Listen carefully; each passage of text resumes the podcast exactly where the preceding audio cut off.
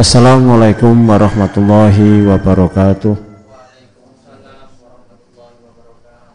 Alhamdulillahirabbil alamin. Wa nasta'inuhu wa nastaghfiruh wa na'udzu billahi min sururi anfusina wa min sayyiati a'malina. May yahdihillahu wa may yudlilhu. Asyhadu an la ilaha illallah wahdahu la syarikalah wa asyhadu anna Muhammadan abduhu wa rasuluhu la nabiyya ba'da. Allahumma shalli ala Muhammad wa ala alihi wa sahbihi faman tabi'ahum bi ihsan ila yaumil wa ba'd. Jamaah yang dirahmati Allah, alhamdulillah alhamdulilladzi bi ni'matihi tatimmus sholihat kita panjatkan puji syukur kata Allah wa taala dengan nikmat pagi yang dihadirkan oleh Allah di puasa yang keempat menjadikan sempurna semua kebaikan yang telah Allah anugerahkan selama ini selama bulan suci Ramadan. Jadi kita meyakini bahwa dengan ungkapan rasa syukur yang sempurna maka semua kebaikan yang telah Allah berikan semakin sempurna diberikan untuk kita semuanya. Amin. Dan betul-betul semoga pagi hari ini Allah sempurnakan semua kebaikan termasuk eh, kajian yang hendak kita bahas. Semoga dalam bimbingan Allah dijauhkan dari kekeliruan menjadi ilmu yang berkah dan khususnya di dalam mengkualitaskan ibadah Ramadan kita, mengkualitaskan Ramadan kita tahun ini yang jauh lebih baik daripada tahun yang lalu. Lebih khusus lagi adalah perubahan-perubahan diri yang kita harapkan bahwa kita jauh lebih baik secara akhlak, secara kepribadian, secara jiwa.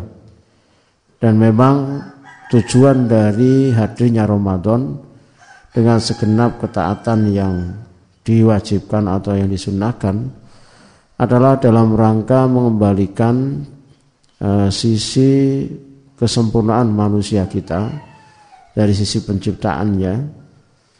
Meskipun kita ini tidak lepas dari kesalahan tapi yang diharapkan adalah kita ya memberi yang terbaik sebagai hamba Allah ya di saat Ramadan dan ke depannya yang itu bisa menyelamatkan kita dunia dan akhirat.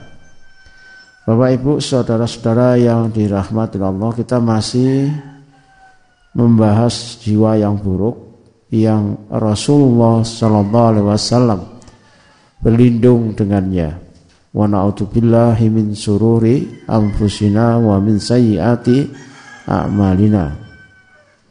Yang Rasulullah SAW menegaskan berlindung dari jiwa yang yang buruk. Min sururi anfusina dari jahatnya jiwa. Yang kemudian wa min sayyiati amalina yang kemudian melahirkan perbuatan yang buruk. Yang sudah kita bahas kemarin Ya, dan hari ini masih juga kita bahas. Dan ujungnya nanti adalah uh, kita berdoa kepada Allah Subhanahu wa taala agar jiwa-jiwa yang buruk ini atau perilaku buruk ini atau sifat yang buruk ini atau kepribadian yang buruk ini ini dicabut dan dihilangkan oleh Allah dalam diri kita semuanya. Amin baik dengan ketaatan di bulan suci Ramadan, baik dengan puasa, baik dengan sholat taraweh, sholat malam, tadarus dan ibadah-ibadah yang lainnya, ataupun dengan tindakan pengobatan rukyah syariah. Apa pun yang diberikan oleh Allah Subhanahu wa taala yang penting syar'i maka itu kita akan terima dan lapang dada untuk Kemudian kita bisa membebaskan diri dari berbagai macam jiwa yang buruk. Dan sudah seharusnya Bapak Ibu setelah puasa tiga hari berturut-turut dan sekarang puasa yang keempat apalagi ini hari Jumat. Sedangkan malam sudah kita lalui empat kali berturut-turut. Insya Allah jiwa-jiwa yang buruk ini sudah mulai meleleh sudah mulai melemah sudah mulai mengecil. Untuk kemudian berganti dengan jiwa yang baik insya Allah. Dari nafsu yang apa tadi? Yang kemarin? Nafsu amarah bisu'in yang karakternya cuma taunya jelek taunya maksiat, taunya dosa, inginnya hanya jahat, ya. Lalu kita tinggalkan, begitu juga dengan lawama yang suka mencela diri karena jatuh bangun dengan dosa dan maksiat, yang di dalam dirinya ada kebaikan dan juga di dalam hatinya ada kebu keburukan, berpindah menjadi kolbun salim hati yang bersih, yang terbebas dari penyakit hati. Jadi PR kita Bapak Ibu dalam bulan suci Ramadan adalah bagaimana mendeteksi, mencari tahu sebanyak-banyaknya penyakit hati.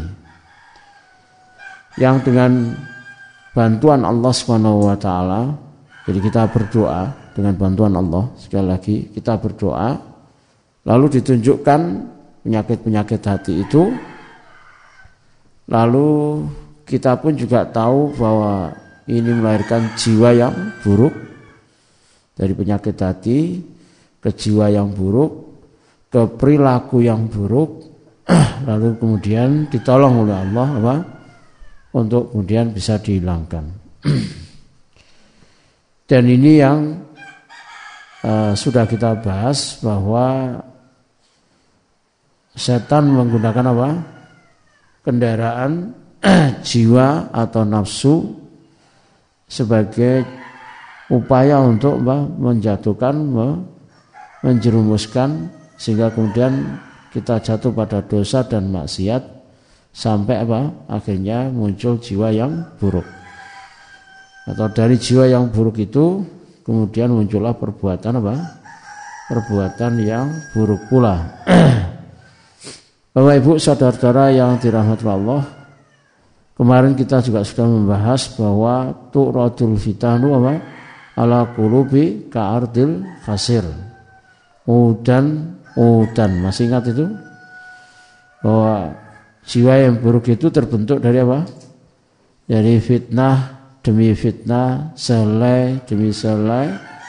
Ya, seperti orang menenun, seperti tikar yang dianyam, yang diserap oleh jiwa yang diserap oleh diri manu, manusia. Dan pembahasan kita kemarin menjadikan kita tahu bagaimana cara melepas apa noda hitam akibat menyerap fit, fitnah. Yang itu membutuhkan apa kemarin? Membutuhkan apa? Checklist. Membutuhkan apa? Checklist apa? Do dosa. Jadi membutuhkan checklist aib atau kekurangan diri ya apa pun bentuknya di bulan suci Ramadan ini kita paparkan kepada Allah kita muhasabahkan diri lalu ya kita banyak berdoa memohon agar semuanya itu apa dihilangkan oleh Allah Subhanahu wa taala. Sehingga harapannya nanti lahir jiwa yang bersih, yang baik, yang mutmainnah, yang tenang, lalu hati kita apa? Salim. Hati kita apa? Salim. Demi me, apa, memperhatikan tema ini yang sangat penting karena ini diharapkan bisa mengantisipasi apa? ancaman Rasulullah SAW tentang banyaknya orang yang puasa tapi ditolak ibadahnya dan hanya mendapatkan apa? E, lapar dan haus maka kita harus betul-betul memperhatikan materi ini. Secara bertahap kita berikan ya tujuannya betul-betul mulia tujuannya betul-betul e, baik ya suci karena kita ingin memang jiwa kita disucikan oleh Allah Subhanahu wa taala ya, hati kita disucikan oleh Allah Subhanahu wa taala dari apa? berbagai macam noda hitam kemaksiatan atau jiwa buruk yang terbentuk dengan maksiat tersebut. Lebih jauh lagi bahwa kita berharap uh, dengan kajian ini ya siapa pun yang sakit ya, yang terbaca ada gangguan apa jin dan setannya Allah hilangkan, Allah sembuhkan. Jadi Bapak Ibu kita bersyukur pada Allah Subhanahu wa taala karena ya dari tahun ke tahun bahwa kajian kita ini meningkat, mengupgrade diri eh, yang memang signifikan dan memang itu menjadi tujuan atau akar dari hadirnya Pak ibadah bulan suci Ramadan. Disiapkan catatannya, ambil tempat karena tempat sangat menentukan, bukan untuk tidur. Ya, kita berdoa memohon kepada Allah agar betul-betul ilmu yang kita pelajari ini menjadi ilmu yang nafik, yang memberikan manfaat, yang bisa kita amalkan, yang ujungnya adalah khasyatullah menimbulkan rasa takut kepada Allah Subhanahu wa taala. Kemarin kita juga sudah membahas bahwa sahabat Udzaifah bin Yaman gitu ya. Ya. Telah membagi hati menjadi apa? Empat. Ada hati yang ajrat. Ini yang kita berharap hati yang murni, yang bersih, yang terbebas dari penyakit. Yang di dalamnya apa? Ada sirat, ada wayashur, wayushar.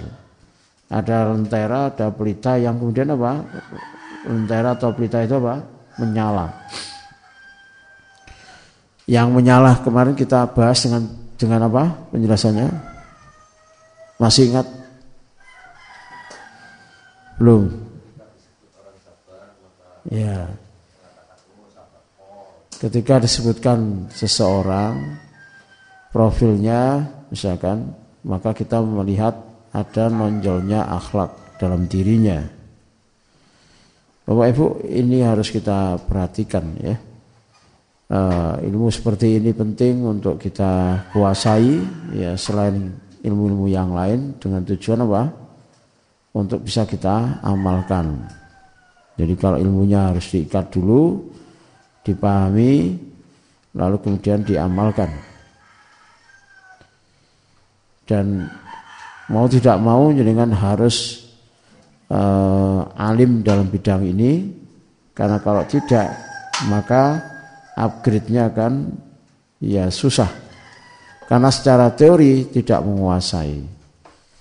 Lalu ada hatinya orang kafir. Hati orang kafir adalah kolbun akhlab kolbun yang tertutup. Lalu kemudian ada yang mangkus. Hati yang terbalik yaitu hatinya orang munafik dia tahu lalu diingkari. Dia melihat tapi bu buta. Lalu yang terakhir adalah hati yang terdiri dari dua unsur. Ada unsur keimanan dan ada unsur nifaknya. Jadi sahabat Hudzaifah bin Yaman, sahabat Rasulullah SAW yang meriwayatkan tu rodul fitanu ala ala kulub, ya, yang mengeluarkan hadis yang awal. Lalu kemudian beliau membaginya. Di pembagian sebelumnya kita mendapatkan kaidah apa? Tentang pembagian hati. Ada hati yang apa? Hajariyun kosun. Apa itu?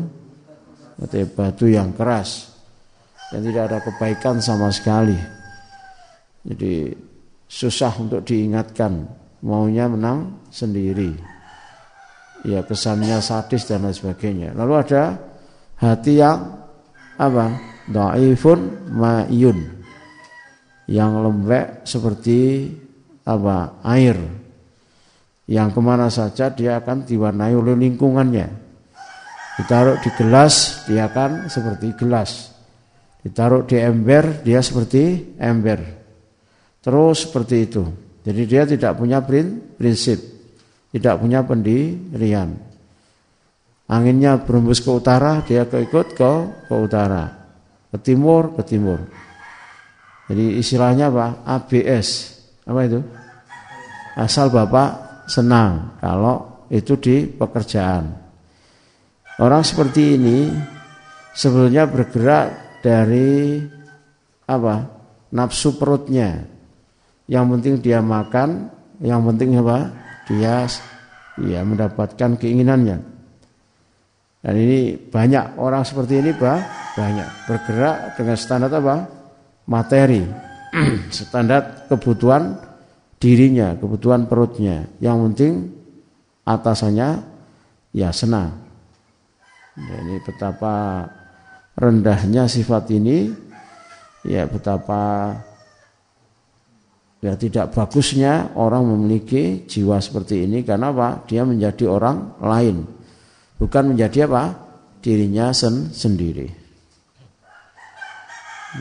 Dia akan tercabut dari akar akar hatinya yang sesungguh sesungguhnya.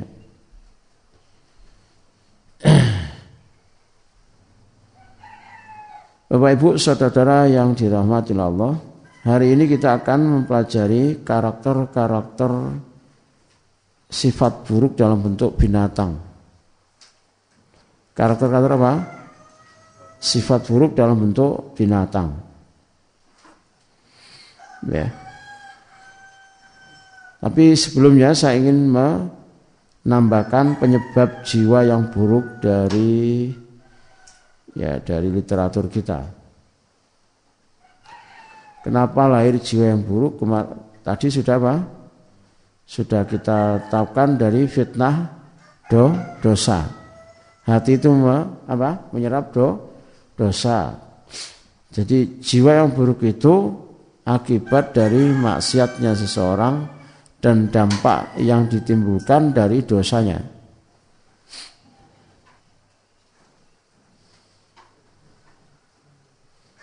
Itu satu. Yang kedua adalah lemahnya iman. Bentar ya. Ini saya editnya dulu.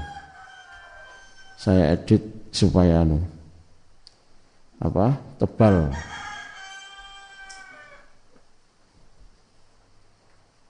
Supaya apa?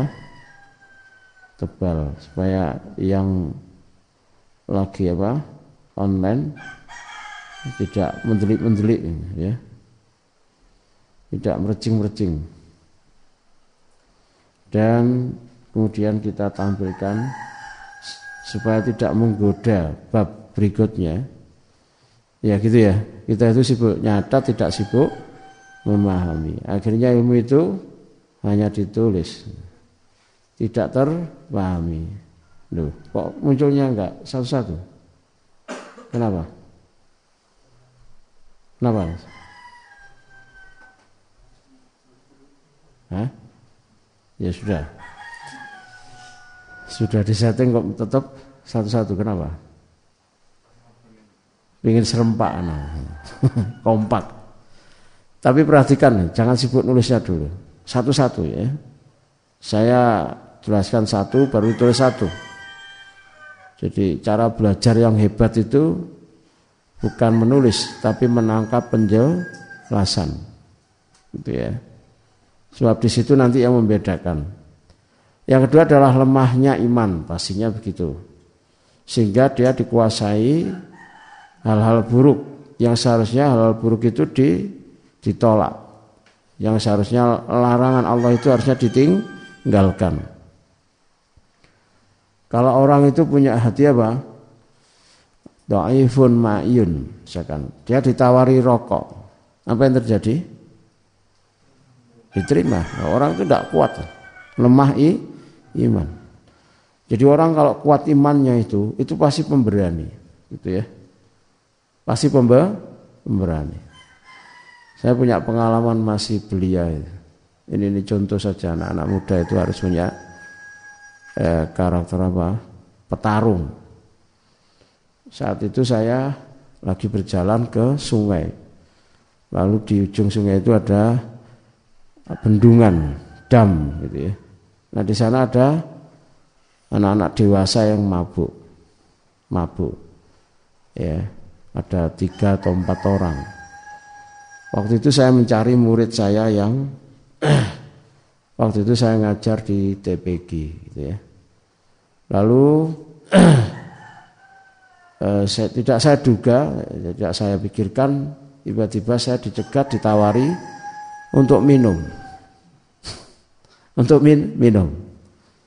Spontan saya marah sekali. Meskipun itu empat orang saya tidak takut. Ya. Masih muda, ya apa sering gelut. Jadi mau saya lempar di sungai, saya marah sekali. Dan marah saya itu terbawa sampai saya ke masjid lagi, mendedek melihat kemungkaran. Jadi saya tidak takut dengan tubuh besar. Nah untungnya di antara yang mabuk itu ada yang kenal saya. Maka temannya yang nawari minuman itu digelendeng, dicegah gitu loh. Jadi orang itu harus punya apa? Kebera, keberanian. Atas nama apa? Allah Subhanahu wa taala. Tidak boleh pelin-plan, tidak boleh eh, apa kata eh, makhluk yang ada di sekitar sekitarnya. Dan inilah yang dimau oleh Allah, yang disukai oleh Allah, al mukminu qawiyun. Jadi orang mukmin itu ahabu, yang kuat disukai oleh Allah daripada lembek lemah. Jadi mau naik mungkar tidak berani. Orang seperti ini akan dikuasai kemungkaran. Dan yang seperti ini harus dilatih.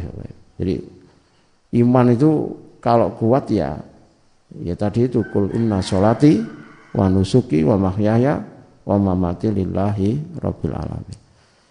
Dan alhamdulillah saya diberi murid yang banyak uh, apa jiwa petarungnya jadi pemberaninya. Di antara murid-murid ada yang melihat mungkaran, ya ada di kampus ada ya mahasiswa yang apa pacaran gitu, ketahuan gitu, mau dipukuli sama murid saya. Walaupun cuma satu orang aja. Jadi tauhid itu luar biasa. Dengan tauhid yang kuat itu kita akan menjadi hambanya Allah, bukan hambanya nafsu saya setan bukan menjadi orang lah orang lain. Kalau orang sudah penakut, sudah lemah iman, ya dia akan dibentuk seperti halnya A, air tadi itu. Di mana pun dia berada, dia akan seperti tempat yang ia ia datangi atau yang ia berada di tempat tersebut. Tidak punya pendi, pendirian. Orang seperti ini tidak banyak dipercaya oleh Allah Subhanahu wa taala untuk menegakkan syariat, untuk berda berdakwah. Mau ini takut, mau ini takut, ini takut. Di antara kita ada yang lemah imannya takut karena apa? Karena persoalan dunia. Ya, takut miskin, takut dipecat, takut tidak dapat uang, takut tidak ya usahanya berkembang. Nah, untuk bilang mencari. Ini pecundang, Bapak Ibu. Saya katakan apa? Sebagai pecundang, the loser. Karena karakter-karakter seperti ini ya ya artinya apa yang mau dibanggakan, diunggulkan kalau membela agama Allah.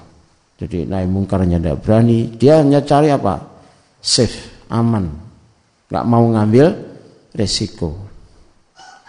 Maka derajat kita itu ya tidak tinggi, hanya sebatas apa? Ya, yang iman yang ada yang dalam dirinya. Jadi di satu sisi memiliki lemah iman itu tidak bahagia. Ya, sebab dirinya akan terombang ambing dalam tekanan banyak orang. Tidak berani menegakkan prinsip tadi itu. Orang seperti ini apa apa bahagianya gitu ya. Hidupnya hanya cari A, aman. Padahal dirinya bisa saja tidak setuju. Dalam kitabnya Imam Ibnu itu menjelaskan ya, Termasuk yang membuat dada seseorang lapang itu adalah suja. Apa suja ini? Kendel. Gitu ya. Jadi orang kendel itu enak. Ya, melakukan untuk barongan ya rauti itu kendel gitu ya. Tempat gelap ya tidak takut, lewat kuburan ya tidak takut, itu enak itu. Tempat preman ya tidak tak, tidak takut. Ya. Dan orang seperti ini lapang. Tapi bayangkan kalau orang itu penakut. Ya, lihat orang dengan tanda-tanda premanisme padahal bukan preman itu sudah ndredeg tidak karu karuan gitu ya. Padahal ya tidak berarti orang yang wajahnya kayak preman itu berarti pre preman kan juga. Lihat apa? Banner di tengah jalan bergerak saja dikira po, pocong. Itu kan ngeri kalau gitu itu kan sebuah keta, ketakutan. Nah, itu tidak bagus. Lalu yang ketiga adalah minimnya ilmu agama. Itu menyebabkan dia berada di ilmu yang selain agama itu. Bapak Ibu, otak dan hati ini perlu diisi. Ya, pengetahuan yang dimasukkan di otak dan di hati ini perlu di ya di manage. Kalau seseorang tidak mau belajar ilmu agama, dia akan pasti belajar selain ilmu agama. Karena karakter orang adalah karakter orang pembelajar. Manusia itu bergerak pasti belajar. Belajar dengan sekelilingnya, lingkungannya, keluarganya, belajar dengan temannya, belajar dari kehidupannya, belajar di sekolahnya, pendidikan, bacaannya, yang dia serap, yang ditonton, yang didengar itu pelajaran. Nah, kalau ilmu agama tidak masuk terlebih dahulu, maka dia akan diwarnai dengan apa yang selain agama tadi itu. Sehingga jiwanya menjadi apa? buruk. Ini penting Bapak Ibu ya. Seluruh anak itu lahirnya fitrah meskipun orang tuanya ahli maksiat. Meskipun dia zina, anak tidak menanggung dosa zina. Tidak ada dosa turunan. Tapi memang perbuatan buruk itu bisa memberikan pengaruh pada pada keluarga, pada fisik, pada DNA. Tapi Allah kulifal bahwa dosa itu tidak diturunkan. Lalu yang merusaknya adalah orang tua, orang tuanya. Maka orang tua harus memperhatikan pendidikan anak itu. Ya. Yang terbaik adalah mencegah daripada mengobati. Artinya mencegah itu dengan memasukkan ilmu agama, maka anak itu bisa memilah, memilih mana yang baik, mana yang buruk. Mana yang harus ditinggalkan. Seperti bulan suci Ramadan, apa yang harus dijauhi. Maka ini akan mencegah apa? terbentuknya jiwa atau kepribadian yang buruk. Dan seterusnya, bahkan uh, Allah Subhanahu wa taala menempatkan melalui rasulnya apa? tinggi rendahnya kebaikan berdasarkan ilmu agamanya. May yuridillahu bi khairan yufaqihu fiddin. Masya Allah ya. Jadi belajar seperti ini masih muda, masih belia ini langkah ya di tengah mayoritas orang yang puasa itu kalau pagi pada subuh tidur tapi ada anak-anak yang ngaji itu hebat. Maka kenali kehebatan ini. Saya katakan hebat itu supaya kalian merasa bangga dengan takdir ini. Jadi hebat itu tidak ya bukan berarti prestasi akademik saja, tapi tidak soleh, tidak dalam keberkahan, tidak dalam keta ketaatan. Ya, jadi hebat itu ya semua semua bentuk ketaatan yang apalagi di tengah mayoritas yang tidak melakukan. Seperti pada subuh rata-rata apa? Orang di tidur. Padahal ini Roma Ramadan. Dan ini apa? Pagi yang keempat. Apalagi hari Jum, Jumat. Cuma ada sah, satu. Hari ini saja. Kemarin pagi yang ketiga, besok pagi yang kelima. Jadi kesempatan yang Allah tawarkan tiap harinya itu kesempatan emas yang tidak boleh dilepas karena hari per hari dalam bulan Ramadan itu hanya ada ya sesuai dengan hari tersebut dan bagian hari itu tidak berulang. Bapak Ibu, ini modal, modal untuk kita memasuki apa? 10 hari terakhir. 10 hari terakhir nanti kita akan terbiasa dengan pola yang seperti ini, tidak tidur setelah apa? subuh dan lebih bagus lagi dalam situasi mentaati Allah ketika masuk 10 hari terakhir insya Allah gitu ya. Lalu yang keempat penderitaan ya Artinya Bapak Ibu, orang itu menjadi buruk karena dia tidak bahagia. Di mana-mana buruk itu muncul karena orang itu tidak bahagia. Tidak bahagia itu sebabnya banyak. Termasuk dibully. Ya, dibu, dibully. Ada seseorang terkena gangguan jin karena sejak kecilnya dia dibully, sering dileceh, dilecehkan. Ya. Jadi akhirnya dia apa? Ya minderkah? Ya streskah gitu ya? Traumakah menjadi rendah diri. Lalu kemudian terbentuk sampai dewasanya dia mengalami apa? Traumatik. Kejiwaannya menjadi bermasalah. Ini jiwa yang buruk. Tetapi ada orang karena sebab dibully awalnya masa kecilnya lalu menjadi jahat. Kenapa begitu? Ya karena dia mengambil kesimpulan, kalau saya diginikan terus, saya kalah terus, maka tidak enak. Saya harus men menang. Gitu. Akhirnya sisi jahatnya muncul akibat perlakuan apa? Ya bullying tadi itu. Jadi akhirnya jiwa buruk itu muncul setelah dia merespon pembu pembulian. Banyak ini yang menyebabkan seperti ini banyak. Ya, menjadi jahat, ya, menjadi suka berantem, suka tawuran, ya, terbentuk dari apa? karena sebelumnya dia di apa dibully lalu dibuat kalah-kalahan ya apa kalah-kalahan digawe ya dulinan gitu sampai dia akhirnya dimasuki makhluk dimasuki apa makhluk jin lalu jin itu ingin anak ini menjadi berani dan menang dan itu terjadi. Sejak itu dia ini berani dan ngajak gelut siapa pun. Gitu ya. Lama kelamaan situasinya kebablasan. Akhirnya kesurupan. Jadi jahatnya mengarah pada apa? kesurupan. Begitu juga dengan trauma pendidikan. Banyak sekali perilaku jahat, jiwa buruk itu terbentuk sebelum balik. Sebelum balik. Akibat orang tua yang berlaku kasar keras. Kasar keras, sering mukuli. Yang kemudian satu saat kalau dewasa dia akan apa? Melawan. Bahkan kalau orang orang Jawa bilang mati rosok.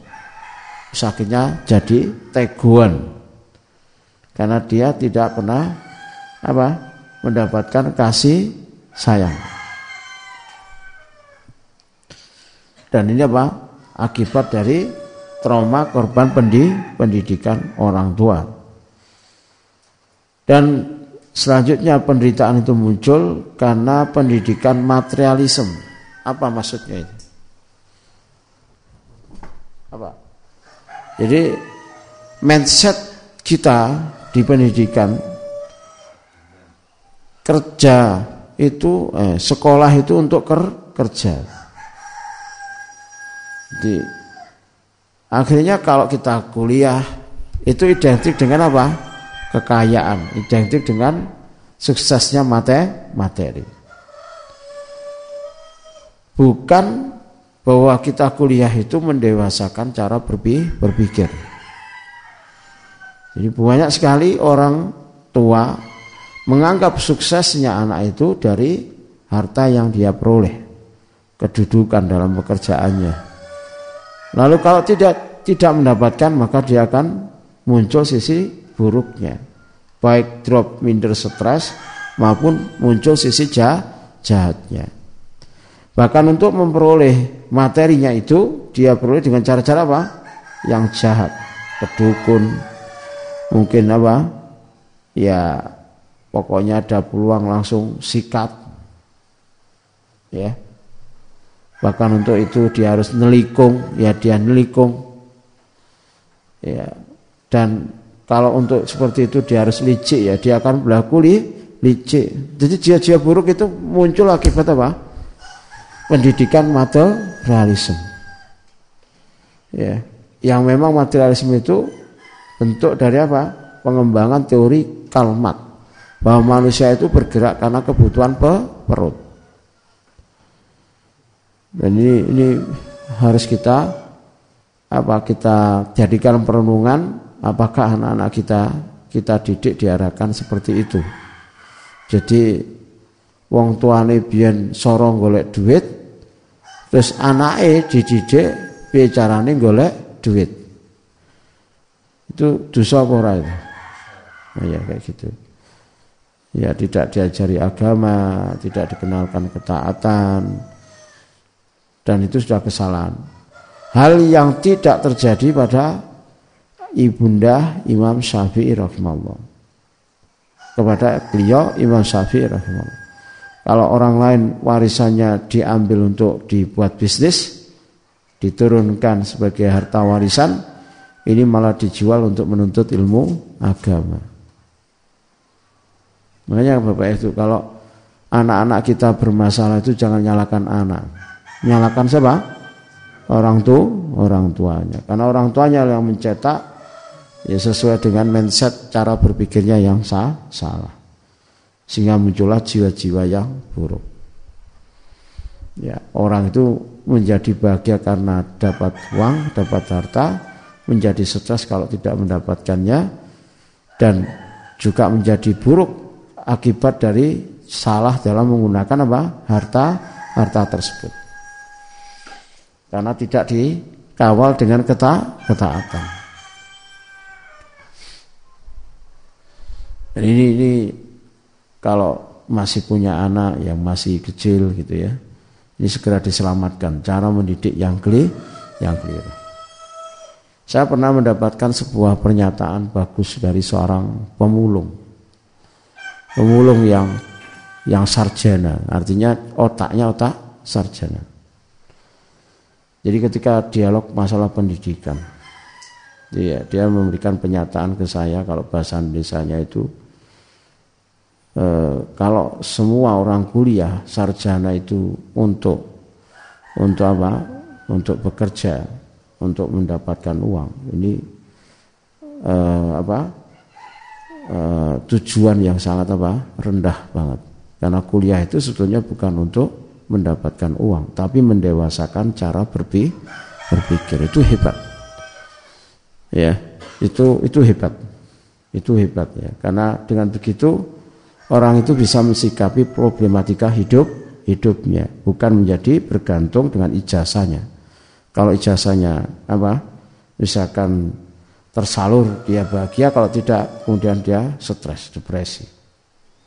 Ya, dan Contoh dalam kehidupan orang sukses tanpa harus mengandalkan jasa itu sangat banyak sekali. Ya. Jadi kita kita belajar, kita menuntut ilmu, kita kuliah topnya itu atau mondok sebetulnya bukan untuk orientasinya sesuai dengan jurusan supaya kita bekerja, tetapi seharusnya adalah untuk mendewasakan cara berpikir. Dan Bapak Ibu saya mendapatkan pendidikan yang baik dari orang tua. Orang tua saya tidak pernah menyuruh saya bekerja. Ya. Orang tua saya melengkapi kaidah akhir. Ibaratnya saya ini masuk hutan belantara. Semua anak diberi apa? Diberi apa? Parang. Tahu parang? Apa parang itu?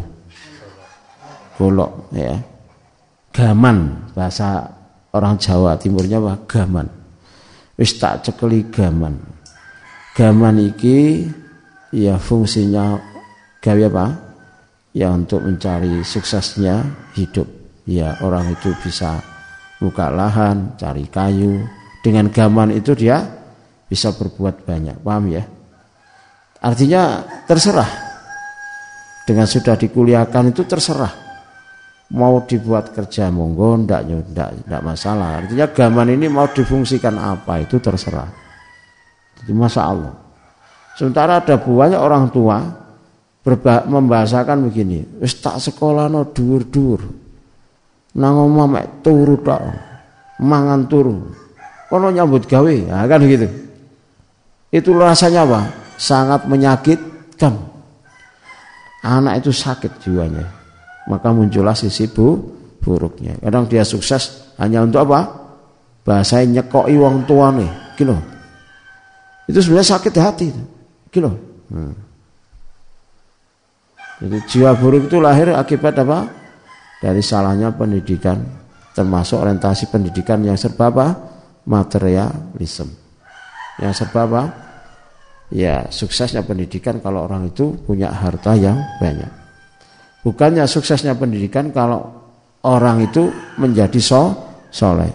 Menjadi soleh, soleh sebab wa ma khalaqtul jinna wal insa illa liya'budun. Jadi tujuan kita diciptakan hanya untuk beribadah. Rezeki itu sudah di tangan Allah. Ya. Sudah di tangan Allah tinggal kaidahnya kalau saya tidak dapatkan maka dia yang akan mendatangi diri saya. Cuma itu saja. Tinggal diambil dengan cara apa? Dengan cara yang halal atau cara yang haram. Nah kalau sama-sama Allah tetapkan rezeki itu dari sisi Allah, kita minta apa? Rezeki yang halal atau haram? Yang halal. Ya. Baik itu dicari, di, di, dicari dengan cara begal, ya, dengan judi, atau dengan dicari dengan cara halal, maka rezeki sudah ditetapkan. Kalau hari ini kita tetapkan 100 ribu, dengan cara begal nyopet ya tetap 100 ribu, dengan cara bekerja halal tetap 100 ribu. Tidak bisa, misalkan hari ini ditakdirkan kita dapat 100 ribu dengan begal dari satu juta, tidak bisa. Sak kuat-kuatnya itu orang begal, merampok, takdir rezekinya di tangan siapa? Dia apa Allah? Allah. Tapi kenapa dia tempuh dengan cara-cara yang haram? Itu masalah, itu munculnya jiwa buruk. Nah Ramadan itu untuk menata kembali tauhid kita. Bahwa rezeki itu di tangan Allah. Seharusnya pendidikan itu bukan orientasinya apa? Cuma orientasi bagaimana cari duit.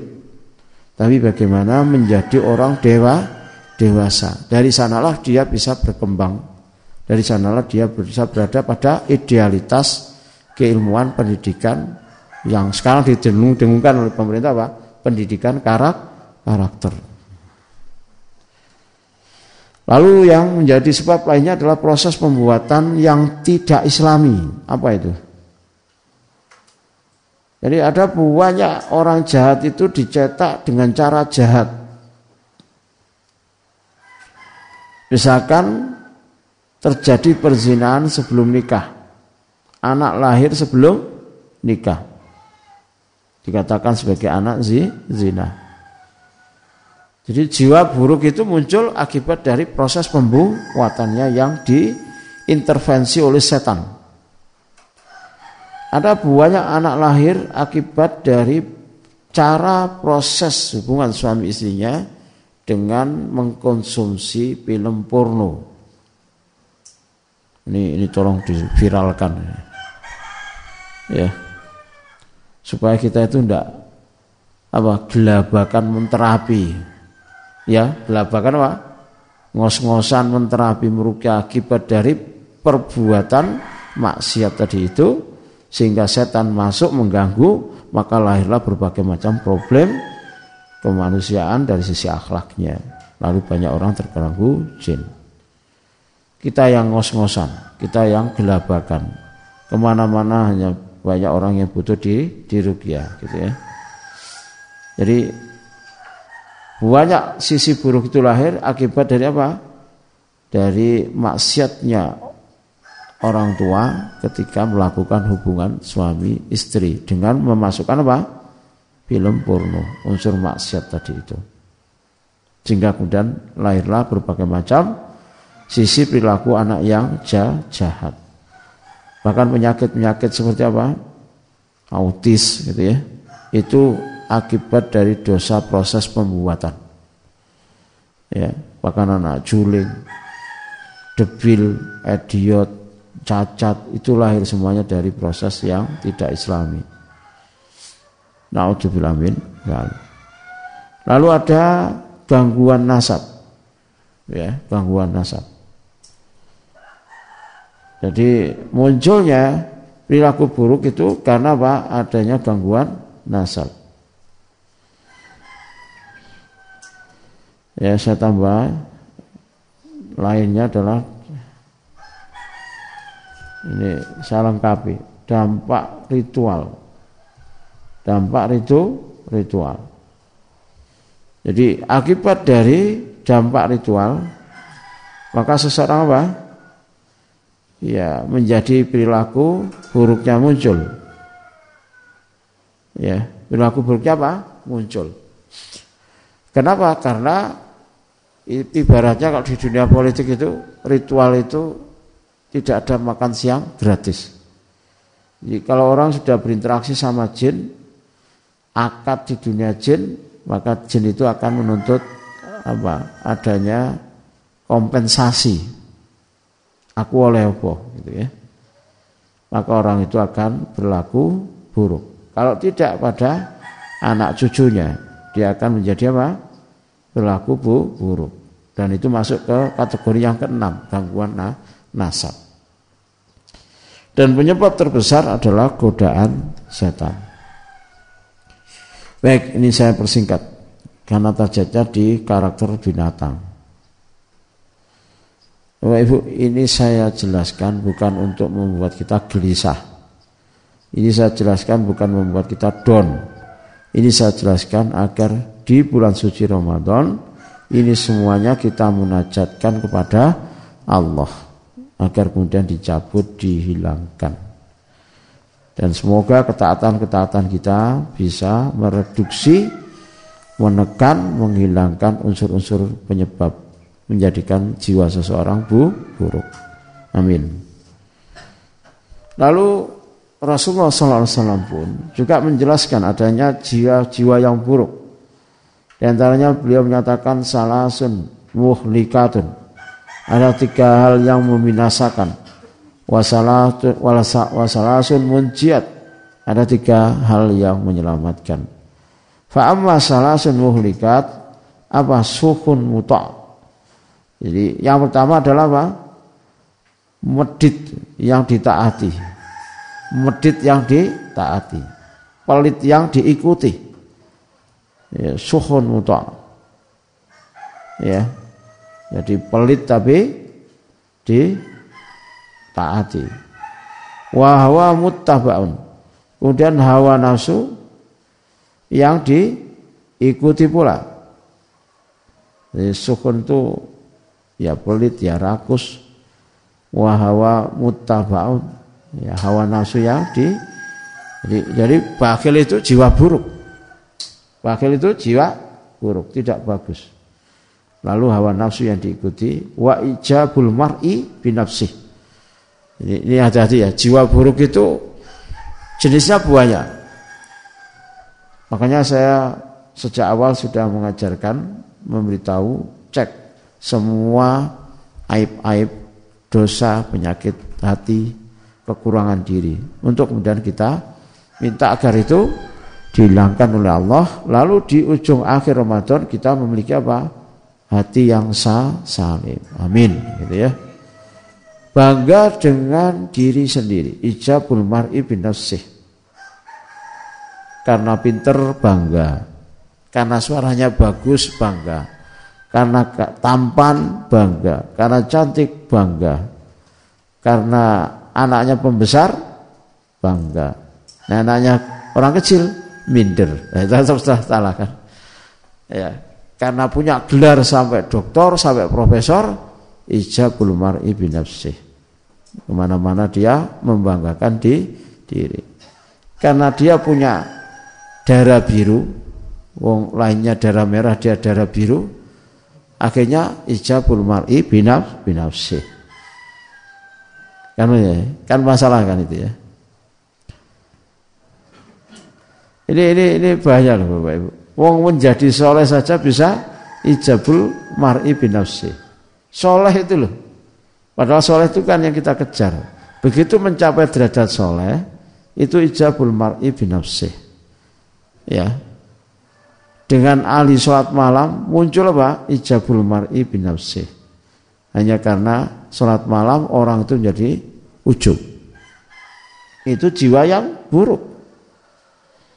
Jadi kalau taat saja tidak dikawal dengan tauhid yang benar, munculnya justru keburukan. Ya.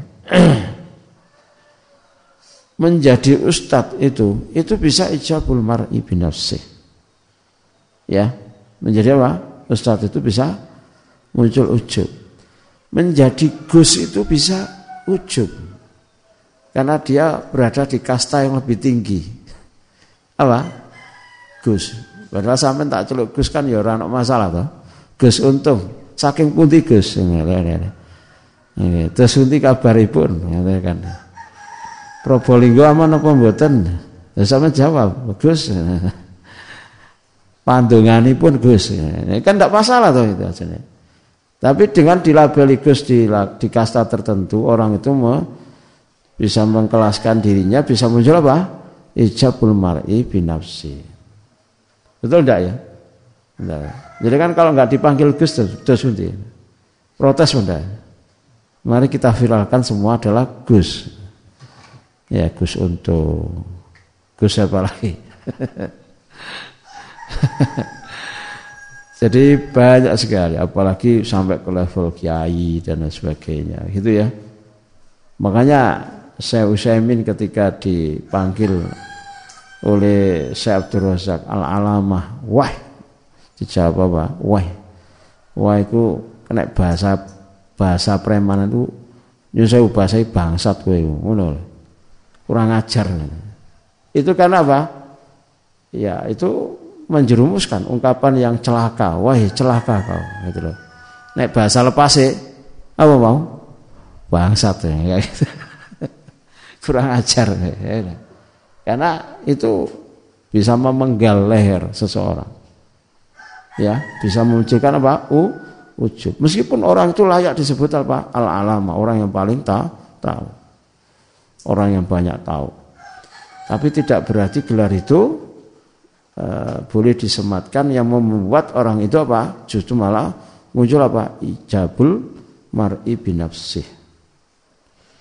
Jadi kita ini nuntut ilmu agama, kita cari penghidupan, kita menempati pos-pos tertentu, itu untuk membuang sisi-sisi jiwa buruk itu. Bayangkan kalau Ramadan cuma poso, traweh, tadarus, pokoknya yang yang dilakukan ya rutinitas. Terus apa perbaikan diri orang itu? Kalau dia tidak tahu target-target ketaatan di bulan suci Ramadan itu adalah persoalan masalah membuang sisi bu, buruk. Coba lihat kan, man soma Ramadana imanan waktu saban hubirol lahuma taqaddama min dambi. Man koma Ramadana sampai hubirol lahuma. Nah, diampuni itu apa? Dosa, dosa itu muncul dari akibat apa? Jiwa yang buruk. Nah. Wah ini penting sekali. Jadi goalnya dari ketaatan itu yang harus dikejar, dicapai. Orang kok anggar apa? Pokoknya poso mesti aman. Poso mosok sukses. Enggak juga, belum tentu. Wong orang itu poso itu kadang cuma makan minumnya saja yang ditaati. Tapi ngeromengi ya pangga, pangga kan gitu loh. Ngomele ya pangga, kufurnya ya pangga. Pangga itu apa? Tetap. Jadi tetap kufur, tetap ngomel, tetap apa? Kufur, eh tetap apa lagi? Misalkan gibah. Jadi puasa tapi gibahnya tetap ja, jalan. Naudzubillah min dzalik. Ya.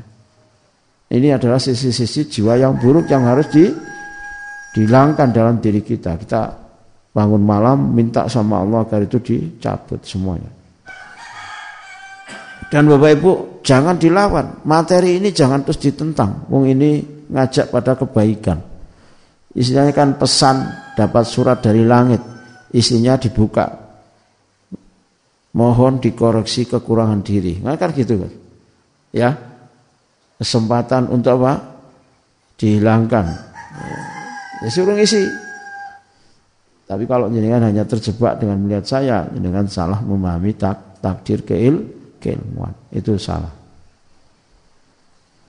Lalu jiwa buruk yang lainnya adalah Allahumma inni a'udzubika minal ajzi. Rasulullah mengajarkan doa agar menjadi orang itu jangan lembek lah. Menjadi orang itu jangan malas lah. Jangan lemah lah. Apa enak sih orang lemah itu? Tidak enak. Enaknya Ramadan itu, habis subuh itu tidur benda. Aslinya enak-enak apa? Enak-enak tidur, tapi itu tidak bagus. Ya. ya kan gitu. Tapi kalau jenengan diskusi sama orang yang apa jualan di pasar, enak mari subuh turu apa ora? Oh goblok kowe ora duit ngono. Digoblok-goblok no. Karena kedah jualan di pasar itu justru saat durunge so, subuh. Jam rolas saya sing teko. Jam satu sudah ada yang datang. Sebelum subuh itu pasar wis rame. Nah mari subuh itu malah gede-gedene rezeki rezeki ini. Kok malah turu itu goblok di goblok-goblok. No. Ya kan betul kan? Yang sering tidur setelah subuh itu siapa? Masyarakat mana? Masyarakat kota. Karena apa yang mau dikerjakan? Mau nong sawah, sawah tadi omah. ya kan gitu. Mau nong kebun, kebun itu tadi apa? Parkiran. Ruko. lah ya, mau ngopeni apa? Ternak. Apa ternak no? Cupang. Lah cupang kan isu. Isu gak perlu tangi. Cupangnya saya turu. Coba kalau orang pasar, orang-orang di desa itu kerjaannya wakai, sing nih, ya kan gitu, sing weduse, sing sawane, sing iwae, pokoknya ket subuh iku wis rame ketaplekan. Wis masakno kanggo wong sing menyang sawah, kan gitu ya. Ya dan, dan orang desa ini yang bener loh ya, orang desa yang kelemar-kelemar ya wakai. Ket subuh klimbrak-klimbruk di di, di apa? diterkam ambek sarung. Apa tuh turu. Ya ono macam-macam. Allahumma inni a'udzubika minal ajaz menjadi orang lemah itu ndak enak. Enak apa ndak? Ndak enak. Harus orang kuat. Wal kasal malesan. Apa ya enak males? Ora enak males itu kan menang batin itu menang angan-angan. Gak iso nyandak sembarang kalir. Kok oleh pasangan ya sing males kan tambah repot ya. Akhirnya udur-uduran ya, saling nyuruh. Waljuben yaitu orang yang penakut. Atau bisa juga lari dari apa? Medan perang juben rasa takut jadi penakut itu tidak bagus wal haram haram itu orang tua yang penuh dengan ke kemaksiatan di usia tuanya atau orang tua yang merepotkan tuwek pikun angel diatur karo Oh tuwek dia dikandani ora iso. Nah, kan kadang kayak gitu. Padahal yang salah anak ya. Oh ngerti tuwek kok di perlakukan seperti itu. Itu kan berarti anak yang apa? Uku keluariden ngomong kayak gitu itu.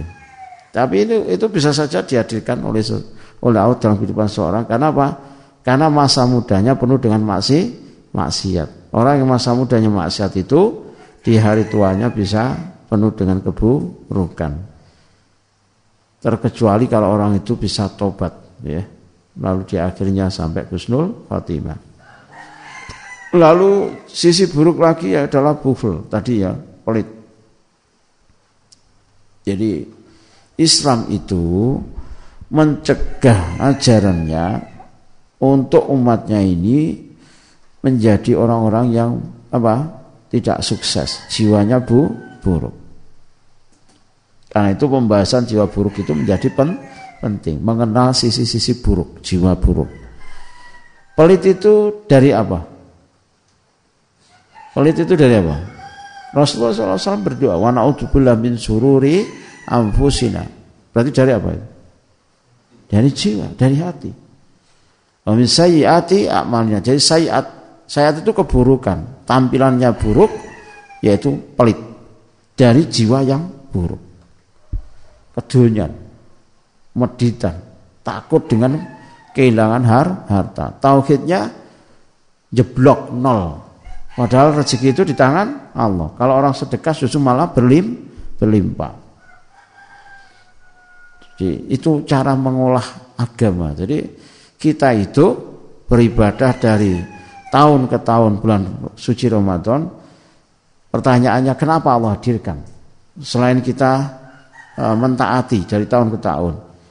Tidak lain karena supaya kita itu selalu bisa apa? Proses tazkiyatun nafsnya berjalan. Proses muhasabahnya terus berjalan. Hasibu anfusakum qoblaan tuhasabu. Jadi supaya seperti itu. Bukan hanya sekedar ibadah, ibadah, ibadah saja. Lalu sisi buruk yang lainnya adalah Allahumma inni a'udzubika minal ilmi la yanfa wa min qalbi la yaksa. Sisi buruk adalah kol kolbun la yaksa, hati yang tidak pernah puas, yang tidak pernah tenang.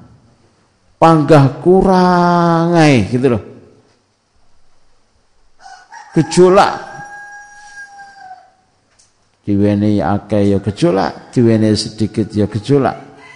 Gak duwe duit ngromeng, duit akeh ya ngromeng. Ya. Tadinya tidak mendapatkan ngomel, mendapatkan ngo, ngomel.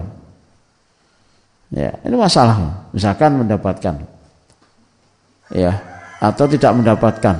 Misalkan ngom, ngom apa? Ngomel urip kok soroh, golek duit kok angel gitu ya. Begitu dapat uang, langsung disebutkan kebutuhan. Iki gawe nutup utang, gawe anu, gawe anu. Nah, itu loh. Sik ngomelai kapan alhamdulillah nih. Enggak ada. Itu kolbun lah yaksa. Atau kalau sudah punya rumah satu, pingin punya rumah dua, rumah tiga, rumah empat. Oh, gak pernah nih. Hatta yurtumul makabir sampai digotong mah mati baru mandek. Manusia itu serakah terus. Kolbun lah yaksa. Mengerikan kan? Sangat mengerikan. Lalu sisi mengandalkan diri sendiri. Lalu,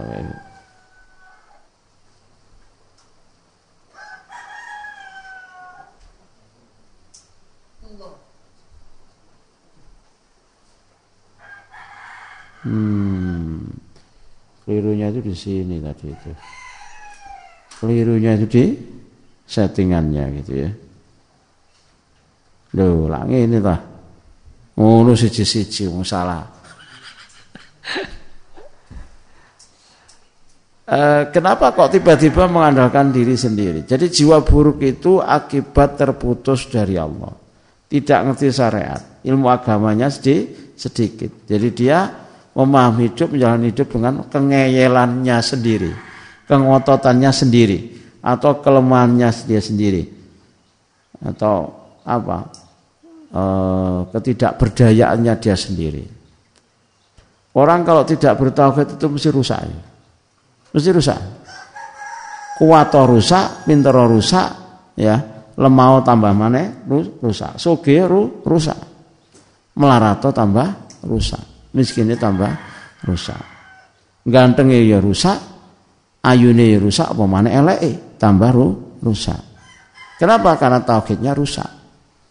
Orang bergerak dengan nafsunya yang amaratun bi bisu. Inna nafsa la amaratun bisu'in.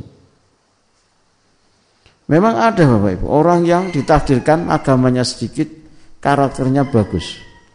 Polos lugu ya, utun nerima ing pandum oh ponaa kayak Mbah Suparni. Gitu kan? Kan nggak pernah ikut kajian di rumah dakwah tapi nilai-nilai tauhidnya berjalan masa tak gak silbaban wis tuwa yang rokok Wong Gusti Allah iku lho gak ketang pira-pira sik paring-paring wong awake dhewe sing gak iso netepi kesyukuran usah sampai hafal kalimatnya kalimat yang penuh dengan nilai-nilai tauhid. Apa itu bahasa Indonesia-nya? Kan angel toh? Angel. Diterjemahkan apa enggak ini? Allah itu ya bagaimanapun tuh masih memberi. Ya, meskipun pemberiannya itu sedikit gitu. Ya, kan pasti tetap dibe diberi. Hanya kita saja yang rasa syukurnya yang kurang. Kan gitu. Benar toh? Itu kan prinsip tauhid. Ya, jadi itu sifat mengandalkan diri sendiri yang membuat jiwa itu bu, buruk. Tapi beliau ini tidak tahu ngaji ke mana. Luar biasa, sampai tutur-tutur, sampai viral. Dibawa diendeng-endeng ke mana-mana. Ini. Youtuber tuh boleh konten video ke situ banyak. Ya, ya ini ini baik tapi punya mak maksud. Kayak tukang par parkir, tukang parkir itu kan api. Know Monggo Bu, monggo prit prit prit prit tapi sebetulnya jaluk duit. Coba kalau tukang parkir di gratis ngono piye jajal. Ono parkiran dhewe ngono kok gak iso. Jadi baik yang sebetulnya punya mau motif, termasuk youtuber itu kan ya ngono asine. Nek niate gak bener kan dadine apa? Golek du, duit.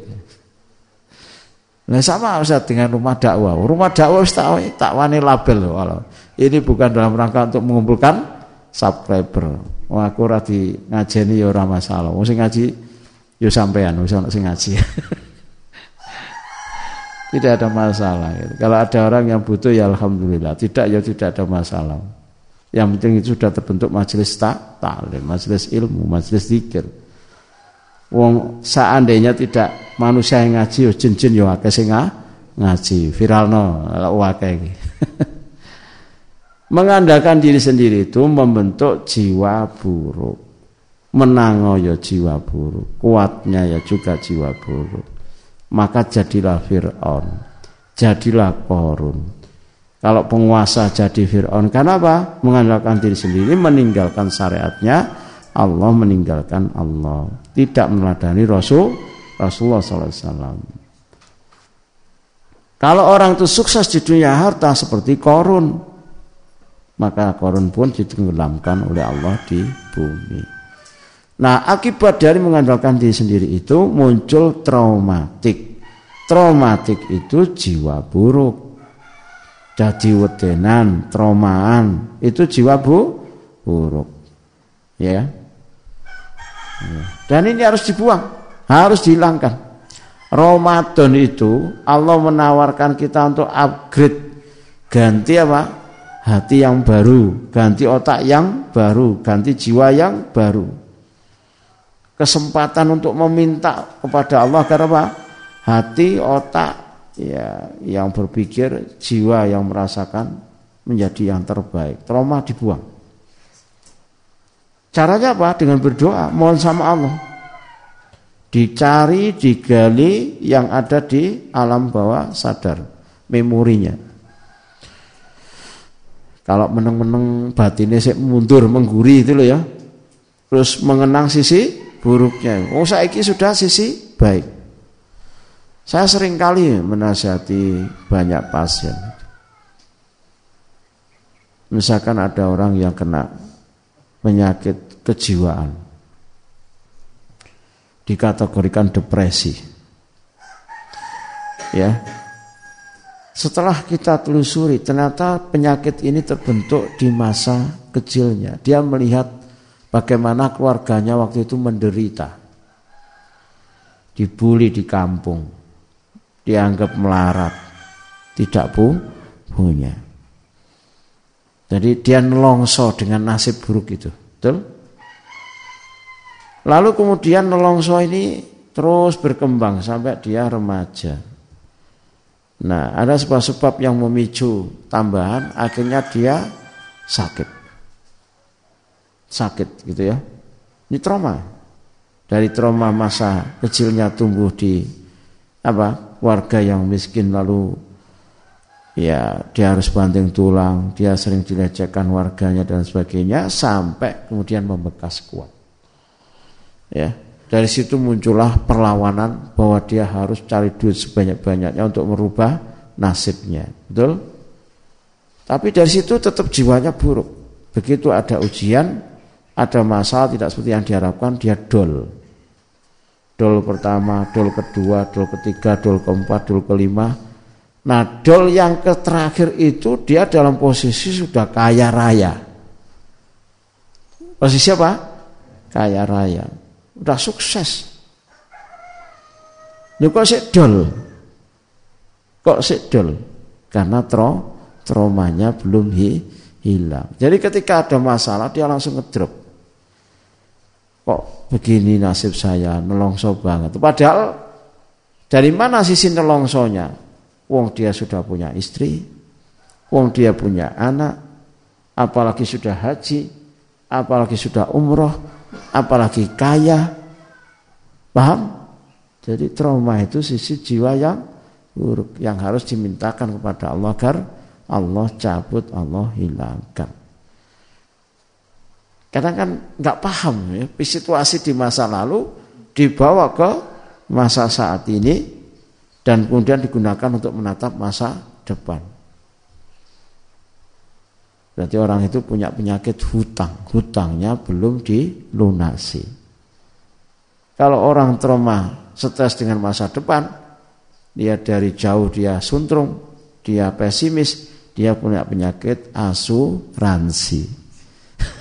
Durung apa-apa wis diweten, weten-weten yo. Engko aku nek Aku tang mrunu kok ana ngene, aku tang ngene ana ngene. Aku nek mrunu tang ngene kaya. Subhawa asuransi. Kan tidak enak orang sakit musuh enak. Trauma itu tidak enak. Tidak enak. Maka trauma ini akan hilang dengan puasa, akan hilang dengan ngaji, akan hilang dengan tadarus, ya, akan hilang dengan apa?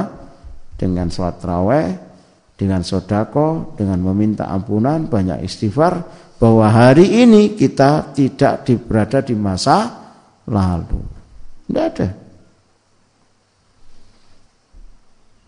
Itu ada terapinya sendiri. Lalu mengandalkan diri sendiri yang berujung pada minderan. Minder itu karena mengandalkan diri sendiri. Saya dulu orang anak-anak yang tumbuh dengan karakter itu minder, bahkan penakut. Saya ini ini jelek-jelek kok saya dulu jelek. Belegeran saya begini ini, ini dulunya itu kalau ada orang bertamu di rumah saya, saya tuh takut sampai delik longan, tahu ya? Delik no lo longan. Nisar longan, nisar apa? Bayang. Nisar apa? Tempat tidur. Itu saya dulu begitu. Jadi yang punya penyakit sama saya jangan apa pesimis, optimis. Nanti bisa seperti saya atau di atas saya. Tidak ada masalah. Ilmunya apa? Jangan mengandalkan diri sendiri, taat sama Allah, tauhidnya dikuatkan. Ya, tauhidnya dikuatkan berdoa agar penyakit itu dicabut oleh Allah gitu ya.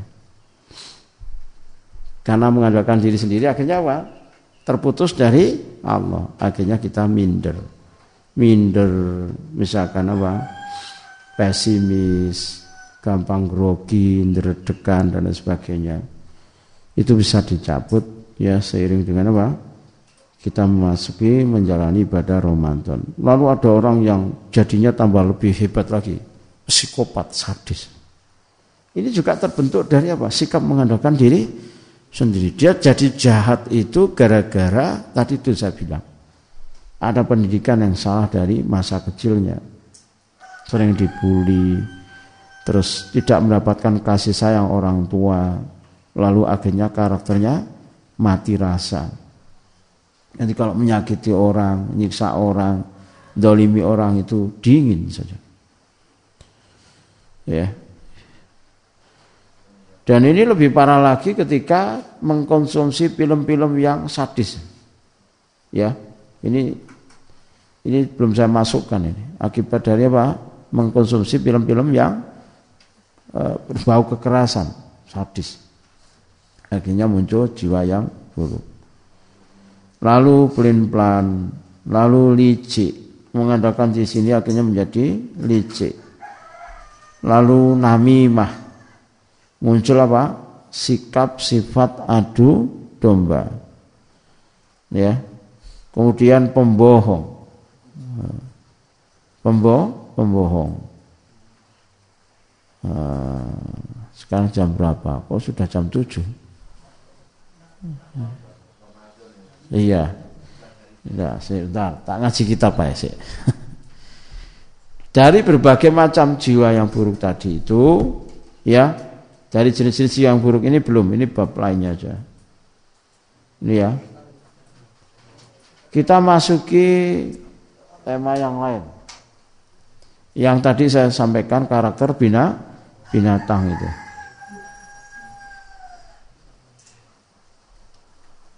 Nah ini. Oh salah saya di sini. Salah ngebloknya ini. Makanya di tampilan yang lain. Coba sih.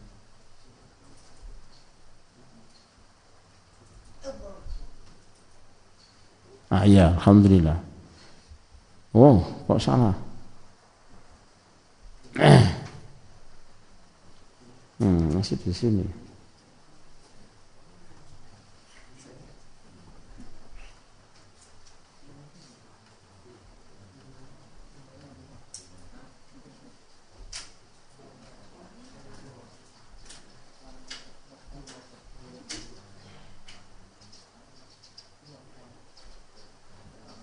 Hmm, harus satu-satu gitu ya. Alhamdulillah sudah. Nah.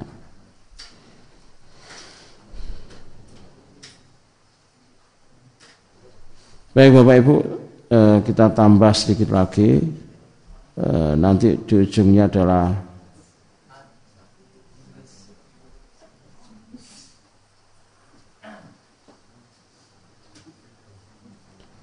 Ini adalah hasil dari uh, bimbingan para ulama. Ya. Dari kitab ada wadawa ditulis monggo.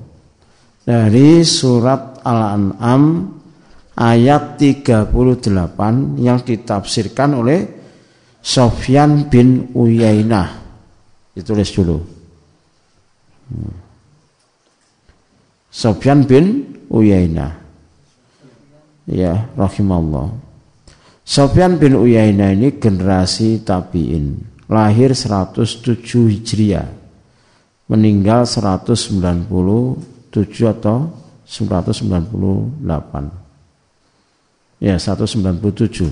Umurnya 90 tahun. Jadi lebih sepuh dari Imam Syafi'i. Imam Syafi'i itu lahir 150 Hijriah. Jadi ini tafsir dari apa? Tafsir dari apa? Tafsir enggak surat Al-An'am ayat 38 ditulis. Jadi ini ilmu. Tidak boleh tersinggung. Ya, ini fakta. Ya, tidak pakai tafsir pun faktanya seperti itu. Masyarakat kita, umat kita ini memiliki kesamaan dengan karakter-karakter binatang.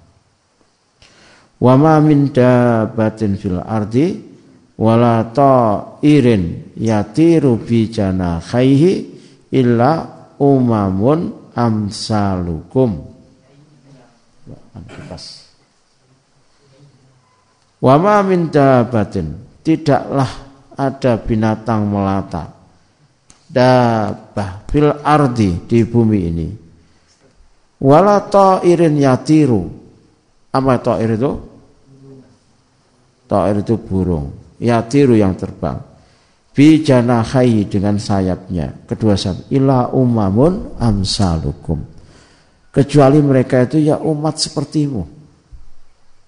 Ya, seperti Rasulullah dan para sahabatnya. Udah ya, ini ayatnya. Jadi supaya kita punya tadabur, nek duwe pitik ya kudune piye, ngono ya. Binatang-binatang, orang kok diadu. Ya malah salah. Orang kok orang kok. Malah sah, salah. Itu maksudnya itu diperlakukan seperti dunia manusia. Diperlakukan sebaik-baiknya. Kala Sofyan bin Uyain ini ulama besar. Ya, ulama besar, orang alim, orang abid, orang soleh, hafid, ahli fikih, pokoknya lengkap semuanya. Murid-muridnya juga bah, banyak. Semasa dengan Sofyan bin Sofyan As-Sauri ya. Bahkan Sofyan bin Uyainah bin Uyainah ini termasuk juga gurunya dari Imam Syafi'i selain Imam Ma, Malik rahimahullah. Jadi itu memberikan tafsir ya. Tafsirnya apa? Wa minhum minhum ala al adiyah. Tulis. Tulis dulu. Apa yang ditulis? Itu loh. Tadi slide-nya mana itu? Sedikit lagi habis itu tak tutup. Sing sabar didik ya. Di antara manusia itu ada yang akhlaknya seperti binatang buas. Maka saya tulis binatang buas karakternya. Mari kita berpikir binatang buas. Misalkan harimau. Apakah kita seperti harimau nantinya? Itu kan. Jadi ada orang karakternya karena dia nyocoki dengan karakter binatang sehingga sifatnya perilakunya diaktifkan dengan otak binatangnya otak binatang apa binatang harimau harimau itu raja hutan nggak ada yang mengalahkan kalimatnya begitu maka orang itu kalau punya sisi menang terus ingin menang terus ingin berkuasa maka dia sebetulnya memiliki sifat binatang buas harimau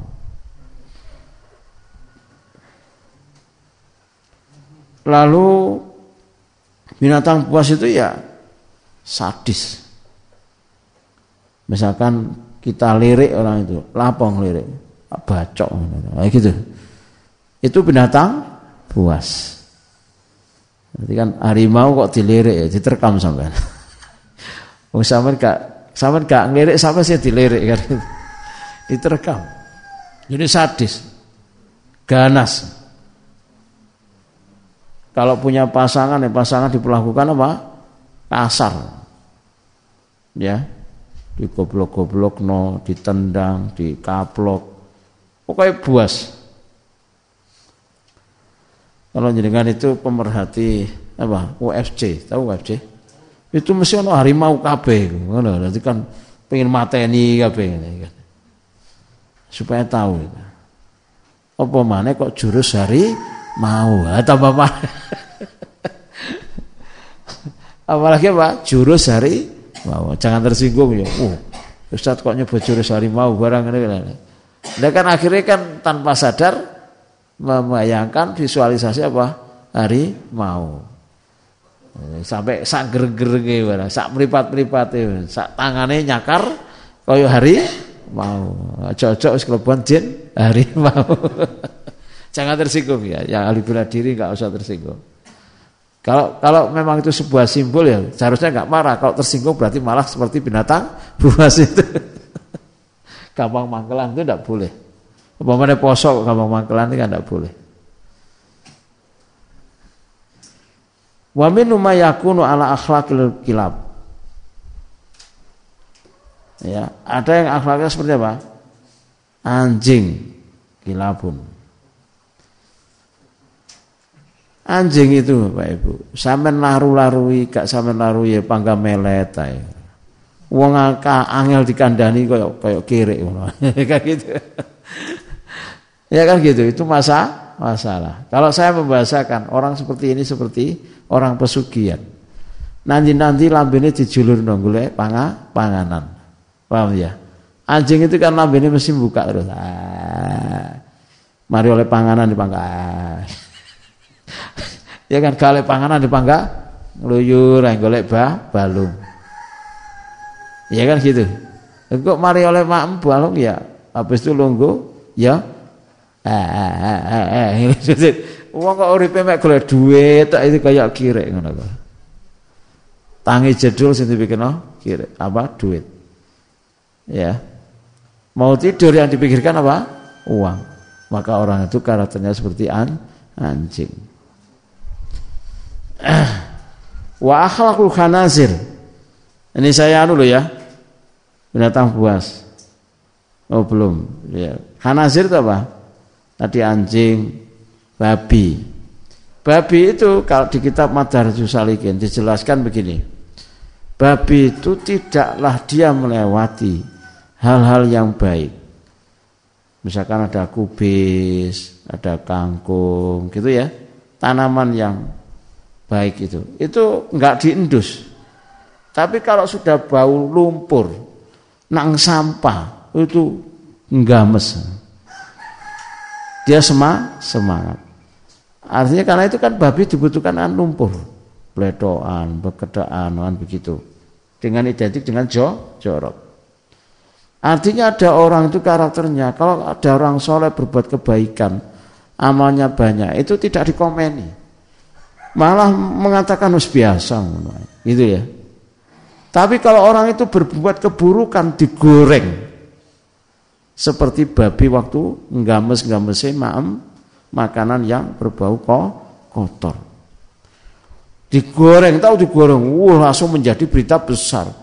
Wajahnya sumringah seperti halnya babi tadi itu kalau mendapatkan makanan yang busuk atau sam sampah. Ada orang itu bukannya menutup aib saudaranya, malah diekspos.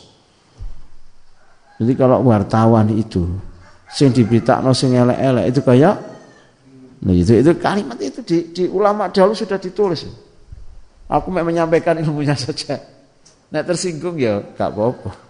Gak tersinggung ya ndak apa. Ya. Wa akhlaqu kana khonazir. Intinya Bapak Ibu ini Ramadan ya. Kita ini kan tidak hidup untuk selamanya. Artinya suatu saat mati. Kalau membawa banyak perilaku buruk apa nilai baiknya di hadapan Allah. Jadi kita berubah itu untuk Allah, bukan masalah kehidupan kita saat ini. Wa akhlakul apa? Khimar. Apa khimar itu? Keledai. Keledai itu binatang paling goblok. Isone mek ngangkut gak ngerti yang diangkut. Jadi dia tidak tahu apa yang dipikul. Itu menggambarkan orang itu dalam banyak kebaikan tapi bodoh memaknai. Orang itu banyak rezeki tapi tidak tahu syukurnya. Ya. Atau kalau orang itu belajar tapi ilmunya tidak nafi. Wa mayat apa? Yatusu fi siyabi. Kama yatusu tawus fi apa? Raisihi. Nah ini tadi, ini kedua. Ada orang itu karakternya seperti tawus. Tawus itu burung merak. Jadi bersolek kae. Gawanane apa? Nangane salon ae. Kuku wis apik diapik maneh. Kerjaane iku nyekel kukur ngene iki. Apa? Pengukur kukunya itu. Basre bonding. Bahas rambut. Artis itu kan ada yang apa? Biaya perawatannya 100 juta lebih itu untuk untuk mempertahankan kecan. Nah, Ya kan ada kayak gitu. Ada enggak?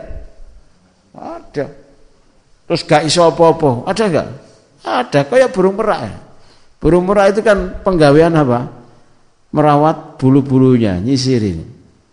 Berbicara cuma kecantikan.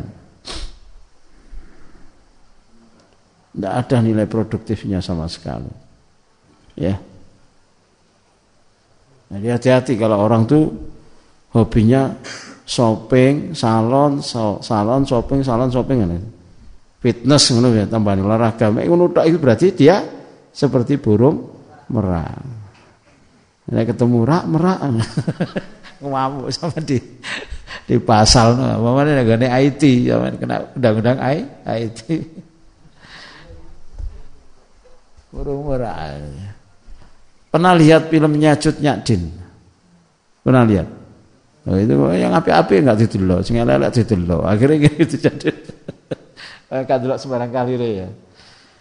Kalau lihat film perjuangannya Cut Din itu, masya Allah. Jadi entah itu ada fiktif tambahannya atau memang aslinya, tapi itu kita tahu bahwa termasuk pahlawan nasional. Kan matinya di Jawa, padahal asalnya di Aceh. Kalau lihat dari videonya Masya Allah. Perempuan tapi Masya Allah. Seperti ya betul-betul mujahidah Jadi pemimpin. Dia menggerakkan perlawanan melawan Belan, Belanda. Dasar sekali. Pemimpin Islam putri. Jadi di, di video itu kan Di film itu kan diperlihatkan bagaimana Harus berjibaku. Wes apalagi kok burung merak Adopol Harus di hutan Harus ya seperti orang perang di zaman Belanda ya kehidupannya banyak apa berpindah dari satu daerah ke daerah dengan penghidupan yang sekedar apa hidup gitu orang perang Itu masa Allah bagus. Atau karakter seperti Hajar, Bapak Ibu. Hajar waktu ditinggal oleh Nabiullah Ibrahim di di Bakah di ya, sekarang Mekah itu. Ibu dari siapa? Isma Ismail. Ya, seorang nabi. Jadi ditinggal tanpa ada perbekalan sama sekali. Itu ndak ndak bicara meraknya. Kalau bicara meraknya kan, lu kok aku ditinggal, lu wangis geru-geru kan itu. Yang terjadi justru malah apakah ini perintah Allah dijawab ya. Kalau perintah Allah Allah pasti mencukupi lari. Yang pernah umroh sa'i itu. Itu alhamdulillah sa'i ini wis roto wapi alus marmer gitu kan enak adem ono AC ki tengene ono zam-zam seru. Sing pernah umroh aja cerita ngono. Sing gulung ya sampean bayangno ae. Berjalan kira-kira sekitar di total itu 7 kilo. Total liwari sofa marwah naik Nah, kalau dulu kan mesti bebatuan kan, ya kerikil, ya panas, nggak ada seperti saat ini enak. Di dalam tidak tidak terbuka, ada AC, kipas, blower, jam-jam wis pokoknya enak ngono sing ngersula. Ya. Jadi kita melihat bahwa orang-orang soleh itu identik dengan kuatnya mental, bukan apa pencitraan fisik seperti tawus kayak gitu naudzubillah min seperti burung merak ini kritik ya bagi orang yang hanya mengedepankan cantik fisik bukan cantik ba, batin. Ini masa masalah. Ya. Lalu ada orang yang wamin bali dan kalhimar tadi sama ya. Tadi akhlaknya seperti himar ini Bali dan gobloknya itu kayak keledai. Gobloknya kayak keledai ini enggak ada di kitab maka saya carikan yang di kitab dulu wa minhum mayu asiru ala nafsi kadik nah ini di antara orang itu ada yang sifatnya seperti ayam jago, jaluk menangi dewi. Loh, ono Gus Untung.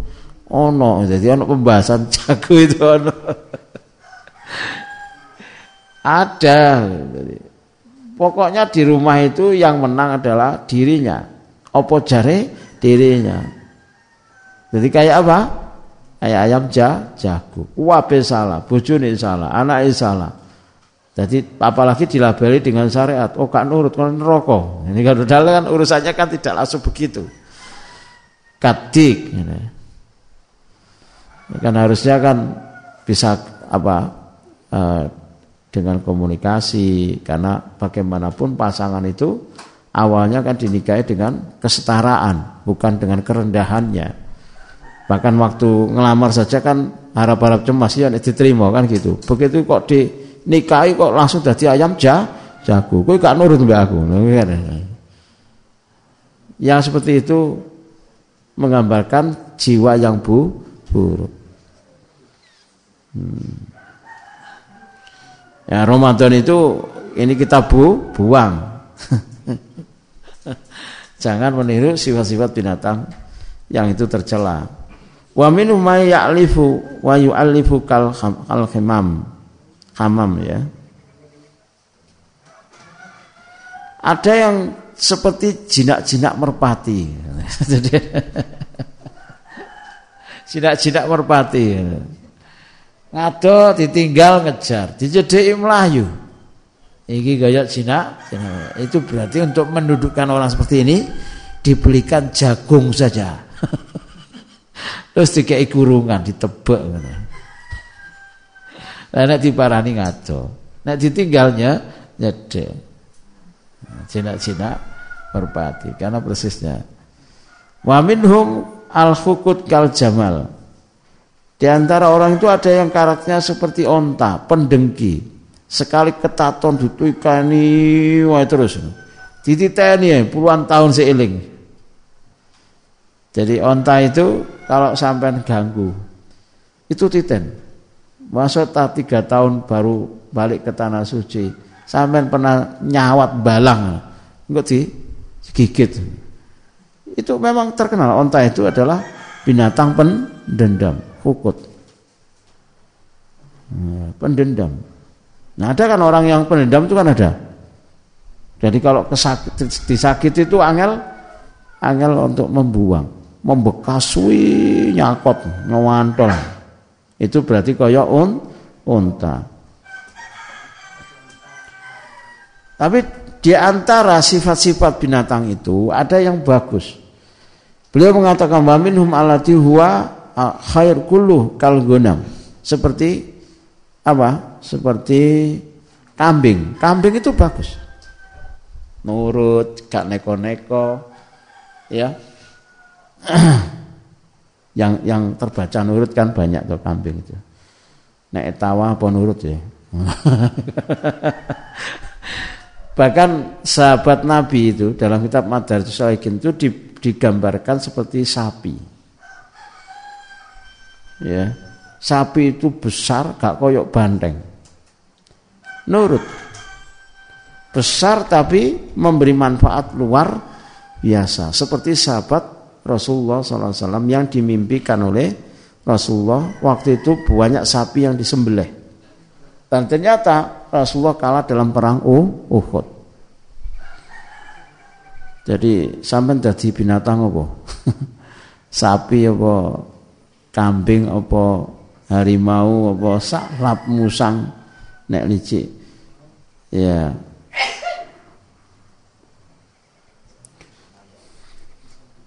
Lalu disebutkan dalam kitab yang terbaik lagi selain sapi adalah kuda. Kuda itu tidak banyak bicara tapi mengabdi loyal, di kongkong jalan. Kuda itu bagus. Besar tapi tidak buas. Sapi juga besar tak kayak banteng. Sulit ditundukkan. Dia berada di lingkungan manu, manusia, dibuat garap sawah, ya. Pokoknya bagus. Cukup dikasih makan ya dia gayemi, itu sapi. Tapi yang bagus lagi katanya ada seperti ku, kuda. Kuda itu kuat. Ya, kuat, loyal. Dia tidak banyak pore. Tidak banyak nuntut dan seterusnya itu kuda. Wa minhum asbah sa'alib. Alati apa? Tarawu karogo karogo karogoniha. Jadi ada seperti serigala atau musang penuh dengan intrik. Licik membangun strategi. Pasak kusu. Tipenya provokator. Kalau dalam pewayangan sengkuni sengku sengkuni naudzubillah min dari Bapak ini ini bukan bukan asal tafsir sebab manusia itu ada yang karakternya seperti itu Ya, coba perhatikan serigala atau musang gitu ya. Serigala itu kalau mau nerekam itu epon-epon gak eruh. Boleh ngeliling. Makanya kudu ndelok discovery binatang supaya tahu karakter binatang, supaya kita tidak seperti binatang. Memang betul. Ya. Ya, supaya kita seperti apa akhlaknya Rasul Rasulullah sallallahu alaihi wasallam ya. Engkau nek lempe tipu dayanya dia langsung sikat ambil. Wa qasaballahu ta'ala ahlul jahim wal ghayyi bil khimar tarotan wal bil kalabi tarotan wal bil anam wal an'am tarotan. Bahkan disebutkan dalam kitab Madaris ada orang tuh karakternya seperti tikus. Tikus ini nanti-nanti delik tapi membuat keonaran. Jadi ngerambat, nyedek tapi ngesru kayak tikus. Min dzalik. Jadi tulus itu masa Allah. Polos itu masa Allah. Lugu itu masa Allah. Dan hati kita di bulan suci Ramadan harus dibebaskan dari jiwa-jiwa yang buruk tadi ini. Jadi musang atau serigala. Lalu tikus tadi. Onta tadi. Babi. Sudah ya? ular dan kalajengking. Nah ini ada orang yang karakternya itu menyengat binatang berbisa. Oyok ulo atau kalajeng jengking. Sampai-sampai matanya itu Seperti itu, melirik. Awas tak sengat kowe, awas kowe tak gigit. Saya pernah dulu merukyah pemain band. pemain band, drummer. Emang enggak bahas musiknya ya, bahas drummer ini pemain drummer. Saat saya rukyah, memang dia petarung di lapangan itu. Ya kayak gitu, matanya persis seperti binatang yang berbisa menyengat itu. Setelah saya rukyah model kesurupan karena dulu nggak ada model lain kecuali kesu. Lah kok sih waktu itu kalau jengking tidak malah. Uh, ini tuh tiba dia itu. Ya, kalau jengking kalau sampai cedek itu langsung ini siap untuk dipa, disengatkan dipatuk. Dulu itu kalau merukyah kan model kesurupan, jadi ngerti banyak jenis bina, binatang gitu. Ada yang ular, ada yang harimau, ya. ada yang monyet, ada yang sampai keliling masjid. Hu, hu, hu, hu, hu, hu, hu. kesurupan. Ada yang buaya. Ada lagi dalam kitab Madar Salikin itu, orang itu dikarakterkan binatang buas itu seperti beruang. Apa buasnya beruang itu? Bahkan dikatakan oleh Imam Qayyim binatang paling jahat adalah beruang. Dia itu diam tiba-tiba membunuh. Ada gerakannya tapi langsung menghancur, menghancurkan. Itu binatang beruang. Hmm.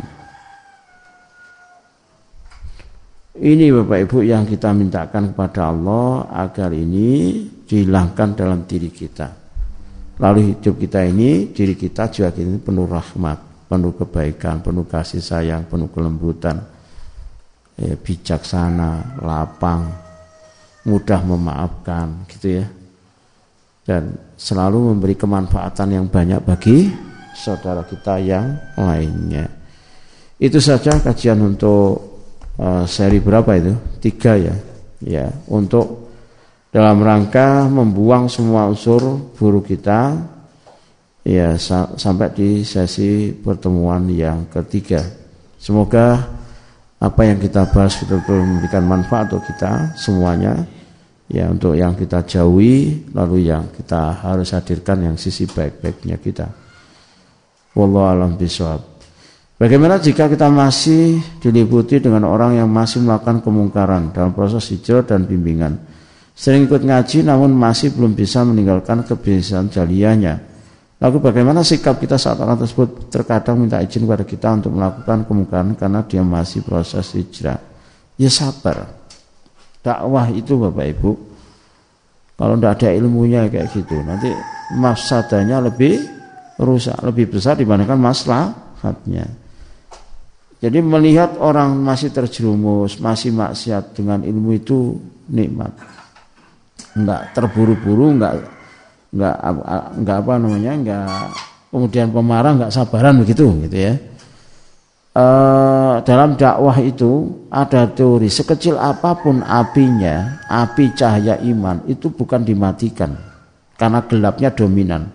Tapi justru malah di diurip-urupno dikasih bahan supaya dia tambah lebih percaya percaya paham ya jadi kalau ada orang itu kebaikannya masih ada itu yang diangkat dibesarkan Nah apalagi orang masih jatuh bangun. Artinya dia bisa baik, bisa taat satu saat masih dalam kondisi salah. Orang seperti ini jangan dibenci, jangan dimarahi, tapi justru kita berikan prosesnya dengan kita tetap doakan ya sehingga kalau suatu saat dia kembali lagi dia masih melihat kita sebagai orang baik nah kalau kita tidak sabar kita katakan oh si kok maksiat Akhirnya dia lari malah. Itu gara-gara kita tergesa-gesa, salah. Bagaimana menghilangkan jiwa buruk aneh? Nanti nanti kalau persoalan menghilangkan menyembuhkan nanti ya, ini masih belum. Jadi tunggu apa? Ya kajian berikutnya. Kadang atau sering kali saya merasakan lintasan-lintasan pada pikiran atau perasaan silih berganti ketika sendirian atau ketika sedang berinteraksi dengan orang lain, bahkan ketika sholat. Lintasan bisa baik atau buruk atau tema-tema dunia. Ini hadir begitu saja. Kadang tak terasa bisikan tersebut tereksekusi dalam ucapan, kadang tindakan. Kenapa seperti ini? Apakah ini tanda gangguan jin yang menetap dalam tubuh? Bagaimana cara mengatasinya mohon pencerahan? Semua yang sifatnya bagaimana menghilangkan itu nanti tunggu waktunya. Insya Allah besok lah. Ya, cara-cara menghilangkan ini semuanya.